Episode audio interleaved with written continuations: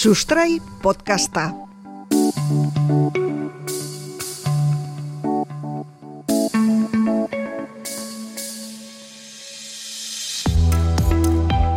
Hankak asfaltotik atera, espaloitik heitsi eta lurrean jarri, baina lurrean esaten dut lurrea bera zapaldu, lurra bera zapaldu. Orain zapaltzen ari garenari begiratu. Lur hori. Ikusten dugun hori bera lurzorua da. Azten den guztiaren oinarria nolabait landareak noski, baina beste guztiarena ere bai. Oinarria ondo egotea ezinbestekoa da, gainekoa ere ondo egoteko, ezta? Hain zuzen ere, horretaz hitz egingo dugu gaur. Lurzoruari buruz, haren garrantziari buruz, eta zer egin behar dugun lurzorua babesteko.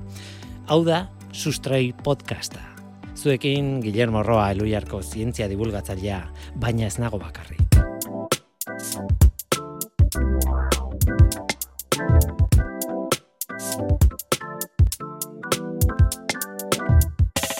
Naia Gartzia bengoetxea, Neiker ikerketa zentroko ikertzailea eta lurzoruean aditua. Kaixo? Kaixo. Oinarria da, lurra, zapaltzen dugun lur hori. Orain Bai, atera- erantzuna da, bai. Era bat. Era bat. Lurra, ura eta lurzorurik gabe ez dago bizitzarik planetan. Ordan lurzorua da bizitza posible egiten duena lurra planeta horretan, ez? Ordan bai da. Entzun izan dizut gainera, nekazaritzarekin lotzen dugula askotan, eta logikoa da, e, landare guztiak, eta lantzen ditugun landaren, landatzen ditugun landare guztiak lurzoruan daude, eta beraz, mm, argi dago. Baina beste guztiaren ere bai. Esan dut, nekazaritza ez den guztiarekin ere badu konexioa, ez? Bai, azken finean kontutan hartu behar duguna da lurtzorua litosfera, biosfera, hidrosfera eta atmosferaren artean kokatzen dela eta esfera guzti horien arteko elkarrekintzaz e, ornitzen dela, ezta? Eta orduan ez da bakarrik landareak sustatzeko soporte fisiko bat, baizik eta ekosistema bizi bat, ez? Lurzoruak sano, osasuntxu dagoenean, hainbat zerbitzu ekosistemiko eskaintzen dizkugu gizakioi geuri, ez? Adidez, lurzoruak funtzionatzen du giltzurrun baten gisa. Hau da, iragazte funtzio bat dauka. Euri urak erortzen direnean lurzorura, lurzorutik pasatzen dira, infiltratzen dira, gero erreketara iritsiko dira, eta hortik guk urrori edan genezak, eh? Lurtzoru batek ez duenean funtzionatzen ondo, ez dagoenean osasuntxu, ez du funtzio hori betetzen, eta urak kutsatuta egon daitezke. Bigi bistakoa da ere bai, ze garrantzia duen. Esan nahi dute lurzorua, esan duzu, ez dela bakarrik euskarri bat, baina egiten ditu funtzio batzuk hori dena bizirik mantentzeko eta horrek esan nahi du e, etengabe ari dela aldatzen, etengabe ari da eta ondatu daitekela ere, bai, degradatu daitekela nolabait. Eta horri hitz egin dezakegu lur lurzoru onaz, lurzoru txarraz, eh, tarteko gradu guztietaz ere bai, ez? Nolabait. Bai,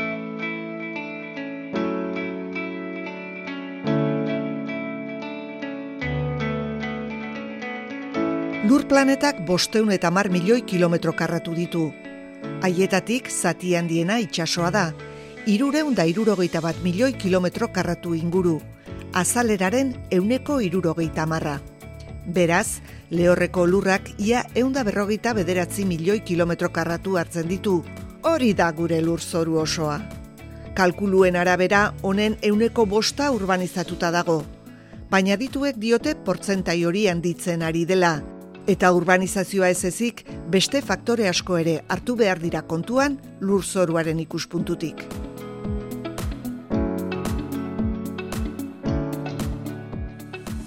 kontuan hartu lurtzorua, daukagun lurtzorua mugatua dela, ez? Lurra planeta begiratzen dugunean, naiz eta lurra izena euki, planeta urdina da.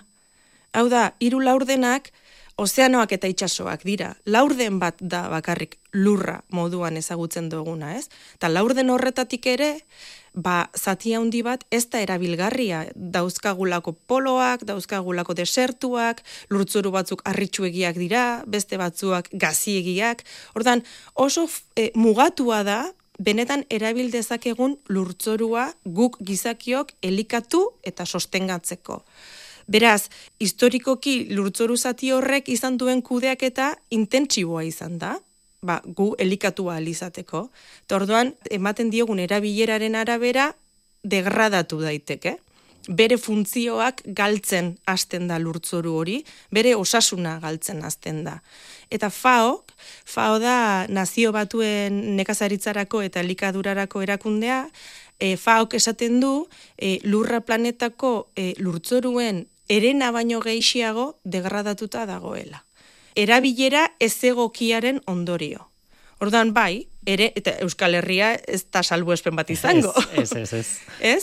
Orduan guk ere, lurtzoruen erena gutxi gora bera degradatuta dauzkagu, eta besteak ba, presio handia jasaten dute, ba, e, ingurune horretan bizi behar direlako lurtzoruak, lurtzoruak sostengatzen dituen ekosistema guztiak, gizakioak eta gizakion bizi modu ezberdinak, ez? Hau da, azken finean, e, autopistak egite ditugu, e, erosketa guneak, e, trenak, industrialdeak, eskolak, herriak, guzti hori ere lurtzoru baten gainean jartzen da.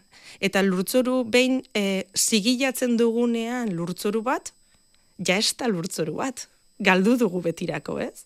Ordan e, guzti hori orekan jartzea, hor dago erronka. Hori da, aipatzen diren mehatxuetako bat, mehatxu pila ditu, lorzurak ez, eta e, beti aipatzen dira baigadura, aipatzen da hori, aipatzen da trinkotzea, aipatzen da denetik, ez, lurzoruan nola tratatzen dugun arabera, ba, mila gauza gerta daitezke. Nik esango nuke tradizionalki egon dela lurzorua babesteko ideia simple bat, eta, bueno, ez da insimplea oso ona da, barbetxoa, ez, mm. noizean behin e, landatuta nekazari nekazaritza ari gara noski. E, landatuta duzun eremu bat noizean behin atxedena ematea, nola bait, hango osagaiak e, bueno, hobetzeko eta berriz ere... Arnasa pixkat emateko, emateko hori da bai. Hori oso ondo zegoen tradizionalki, gaur egun beste bide batzuk behar ditugu, egoera beste bat delako eta tartean egin dugulako denetik, ez? Ez zuka aipatu duzun bezala. Eta orain planteatzen ari gara lurzorua ere babestu behar dela, ba, biodibertsitatea babesten den bezala, landareak babesten dien bezala, eta gain, hain zuzen ere, hoiek babesteko biodibertsitatea, landareak, animaliak, azken batean gauza bera dela, sistema beraren osagai bat bai, dela. Bai, holanda. Eta orduan, zein da oraingo mm, biraketa hori e, ikertzaileen ikuspuntuan? Nik usteot ikertzaileak historikoki lurtzorua ikusi izan dutela ikuspuntu agronomiko batetik, hau da nekazaritzaren ikuspuntutik, zuk esan duzun moduan, baina urteak badira ja ikuspuntu hori aldatzen doala, ez? E, esan dudan bezala, uraren iragazte funtzioak, eta beste hainbat funtzio onartzen eta ikasten joan izan garen enean, lurtzurua bere osotasunean ikasi behar dugula konturatu gara, eta ezin dugula bakarrik ongarri edo euskarri gisa e, aztertu lurtzoru hori, ez? Eta lurtzoru hori kontutan hartu behar dugula, adibidez, planetako karbono gordaiu oso oso garrantzitsua dela, ka, lurtzoruan dagoen karbono horrek lurtzoruko alderdi mineralarekin erreakzionatzen duela eta hor sortuko direla agregatuak zeintzuk habitata izango diren mikroorganismo eta onjoentzako, ordan azken urteetan lurtzorua ikasten ari garenok ikuspuntu zabalago batetik ikasten alegintzen gara, ba guztia alderdi biologikoa, fisikoa eta kimikoa kontutan hartuta. Eta guzti hori kontutan hartuta, eginda, zuk esan duzu moduan, lurtzuruaren babeserako e, estrategia ezberdinak eta plan ezberdinak garatu izan dira, maila ezberdinetan, eh? Europan, Euskadin, eta hainbat plano ezberdinet. Udale batzuk ere, badabiltza, beraien irigintza planetan, lurtzuru mapak eta sartzen lurtzuru horiek babesteko asmoarekin. Duela ez asko gainera, onartu dela Euskadi mailan e, ba, lurzorua babesteko plan bat, ez da? Bai, aurtengo ekainean onartu da, bai. Eta, ba, esango nuke, Europa mailan desente aurrerako ja, ez da? Eskoziak badauka bat, aspaldi, aspaldi, eta Europar batzordeak bai egin zuen e, saiakera bat bere garaian, 2006an, garatu nahi zuen eta onartu nahi zuen, ba, urak daukan moduan, edo aireak daukan moduan zuzentarau bat, baina ez zuen lortu. Frantziak, Erresuma Batuak, Austriak, Alemaniak eta Herbereek ezezkoa e, eman zutelako, ezezko botoa eman zutelako, eta hor dagoen arazorik nabarmenena da lurtzoruak jabetza bat daukala. Ez, ez aireak, airea denona da, hor dago, eta ura ere, ba, denoko nartzen dugu, ez daukala jabetzarik. Bai, ura tartean dago. Ura, hortxe, hortxe, bai. Baina lurtzuruak jabetza bat dauka. Eta horrek arazo asko sortzen ditu horrelako babes planak eta garatzerako garaian, ze azken finean garrantzitsua da jabetza horren pertsonak, ze azken finean pertsonak dira jabeak, beraiek ere konstiente izan behar dira baliabide natural bat kudeatzen ari direla, eta adibidez, zilegi da jabe batek lurtzoru baten balandaketa bat egitea, berdin zain nekaza lurra, baso lurra dana dalako, eta ekoizpen bat lortu nahi izana, baina konstiente izan behar gara, baleabide natural horrek ez duela bakarrik ekoizpena sortzen. Baizik eta ura, biodibertsitatea, karbonoa, eta bar. Eta orduan, lurtzoru horren gaineko erabaki guztiak ezin dituela jabeak berak bakarrik hartu, eta hor adostasun bat lortzera egin behar genukela. Guazen basora, edo guazen behintzat e, baso deitzen dugun toki horretara. Zergatik zu baso gintzan, e, e, bueno, lan egin duzu, eta el basoaren lurzoruan hitzak aztertuko ditugu orain, eh? baina baso, basoaren lurzoru horretan aditu azarelako, e, basoa ditzen dugun nori, baina batzuetan bueno, plantaziak dira, ez landaketak nola baitez, eta, bai. eta guretzat kaleko ontzat e, iruzua ikuste ditugunean, ja, baso deitzen diogu, baina baso hori normalean da gizakiak hor landatutako mm, zuaitz jakin batzuk, eta ordan landaketa bat da, eta horrek eragina oso handia dauka lurzoruan, ezta? Bai, kontutan hartu behar dugu, emeretzi garren mendearen bukaeran, hogei garren mendearen bukaeran, batez ere bizkaia eta gipuzkoan, eh?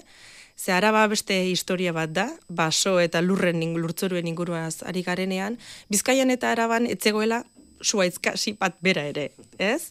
Ba, burdin gintza oso garrantzitsua izan da erdiarotik eta orain arte kasik e, Euskal Herrian eta horregatik basoen kudeak eta hemen oso oso intentsiboa zan, eta hoi garren mendean ez geneukan basorik. Orduan, eundo hogei bat urte dara landaketak egiten. Espezie ezberdinenak, egin ditugu asko pinu, intxiniz pinuaren landaketak egin ditugu, baina pagadiak ere landatu izan dira, berez aritzak ere bere garaian landatzen ziren, eta gaur egun dauzkagun baso deitzen diogun gehien txu horiek ere landaketak dira. Gaur egun zailkatu daitezke baso seminatural estilora, ba, azkenengo irurogeita mar bat urtetan edo, ba, kudeaketarik ez duzenak izan, bai bere garaian landatuak ziren, baina ba, ja ez dira kudeatzen, eta beste batzuk gaur egun ere kudeatzen direnak.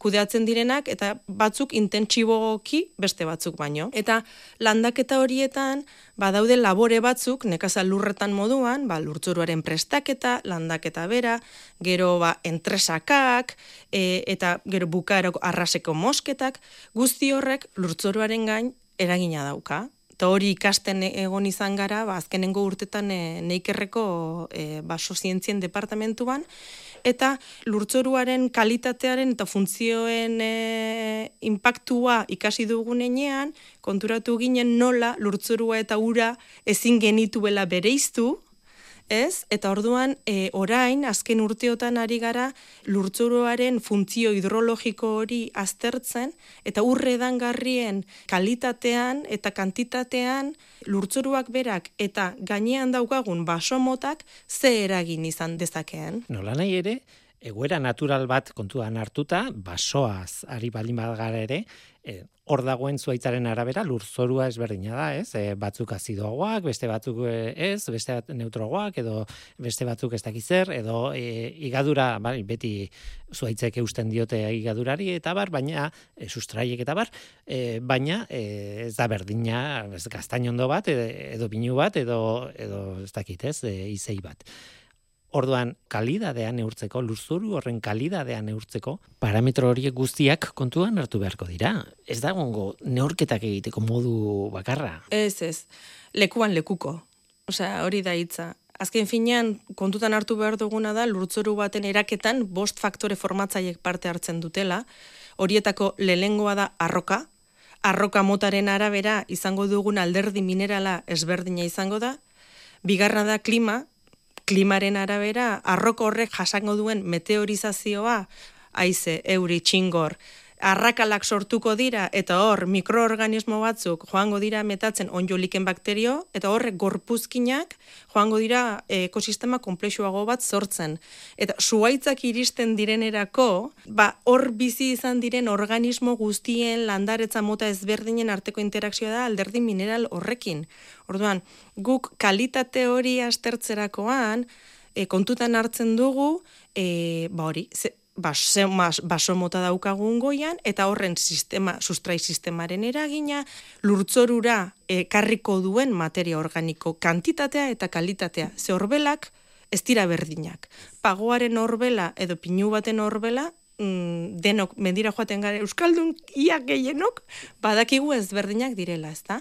Eta horrek izango duen interakzio alderdi mineralarekin eta biologikoarekin ezberdina da. Hor hartzen ditugun onjoak ere, perretxikoak ezberdina dira. Karo. Karo, e, hori da beste ondorio bat. Karo, hori da, lurtzorua bizia da, eta denen arteko elkarrekintzaz sortzen da. Gizakia barne, uh gizakia barne, ze lurtzoru hori kudeatzen duen pertsona da. Eta orduan niri galdera da, plan bat, e, lurzorua besteko plan bat, e, antolatzeko momentuan, hori guztia hain dibertsoa baldin bada, horrek zaildu egiten du asko plana, ez? Esan nahi dute, ez da, esatea, bueno, hemen dik aurrea, ba, debekatuko dugu ez zer, ez, ez, ez, ez, a ber, hemen eta ondoan, ia, ia, ondoko baiaran edo, ez dakit, pixka gorago, pixka berago, eh, aplikatu behar diren neurriak, behar bada ez dira berdinak. Guztizados, holanda. Barriro, niretzat gakoa da lurralde antolamendua eta hori lekuan lekuko egin behar da eta horretarako ezagutza ezinbestekoa da. Nolako lurtzoruak dauzkagun jakin behar dugu hori kudeatu nahi badugu eta babestu nahi badugu. Eta ezpadakigu ze motatako lurtzoruak dauzkagun, zer da babestuko duguna? Ez? Lehengo galdera da hori niretzat behintzat, eta egia da lurtzoru mota bakoitzak e, izango duela berezko gaitasun batzuk izango dituela. Adibidez, niretzat oso garrantzitsua da, ur edangarri hartune batetik urgora kokatzen diren errekastoaren magalak ba, babestea, babestea baso izatea lurtzoru hori eusteko, zuk esan duzu moduan, ez? Eta lurtzoru hori eusten dugunean, sedimentu gutxiago iritsiko direlako urrartunera, eta edango dugun uraren kalitatea hobea izango dalako. Eta ondoan daukat agian, justu izan daiteke, ba, malda txikia daukan lautada bat, eta agian hori egokia izan daiteke, ba, elikagaiak sortzeko. Eta orduan bakoitzak izango dituen helburu kudeak eta helburuak eta babes helburuak ezberdinak izango dira, baina horretarako sagutu behar dugu. Lurzuruaren gaia Euskal Herrian delikatua da, ez da? Zan dute baso gintza delikatua den bezala, eta bueno, ondorioz eh, lurzorua hor daukagun lurzorua ere, ba, haren kalitatea zein den eta nolako izan behar duen, eta hori horretaz hitz egiten dugunean, ba, ez dakit, eh, kontu serioa da, nola baitez. Bai, aurretik esaten nizun moduan, ez? Jabetza pribatu bat daukan enean, eta bakoitzen interesak ezberdinak diren enean, ba gai sentikorra bilakatzen da, ez? Azken finean hor oreka bat lortu behar delako interes guztien artean. Interes eh, publikoa eta e, e, sistemaren ongizatea, e, ekosistemaren ongizatea eta hor bizi diren guztien ongizatea ere bai, ez? Azken finean hori e, komplexua da, bakoitza den modukoa dalako eta pertsona batzuk ba, mutur batetan kokatuko dira, beste batzuk beste mutur batetan, baina egia da grisak ere asko daudela eta legindu behar garela denon artean ba, denon onura lortzen. Eredu komplexu bat, baina denontzat zilegi dalako, norberak ja. Eh, bere lurraldean, bere ere muan, eh, bueno, eh, gauza batzuk egitea, berbada ez edozer gauza, baina gauza batzuk egin ditzake, eta erabaki puntu bat izango du, ez, bere ere modelako. Bai. Baina, klaro, beste inguruan kaltetu gabe, eta, bueno, delikatua, delikatua. Delikatua. Lurzoroari buruz hitz egin dugu, baina sentsazioa dokat bakarrik sarrera bat atarian gaudela. Eh? Gai honek ematen dulako adar pila bat, bueno, ikusi ditugu adar batzuen hasiera, baina oso zabala da, ez? E... Oso, bai, bai. Lurtzoru zientzien barruan hainbat zientzia daude. Ba, nahi agartzia bengoetxea, neiker e, ikerketa zentroko ikertzailea eta baso gintzan eta lurtzoruan aditua eskerrik asko gurekin izatagatik.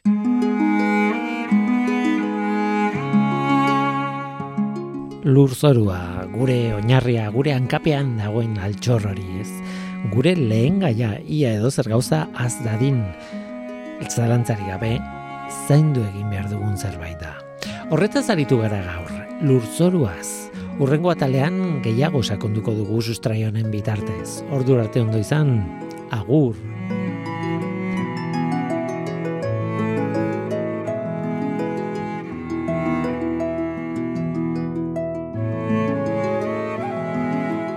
Sustrai podcasta elujarrek ekoizten du Eusko Jaurlaritzako ekonomiaren garapena, jasangarritasuna eta ingurumen sailerako.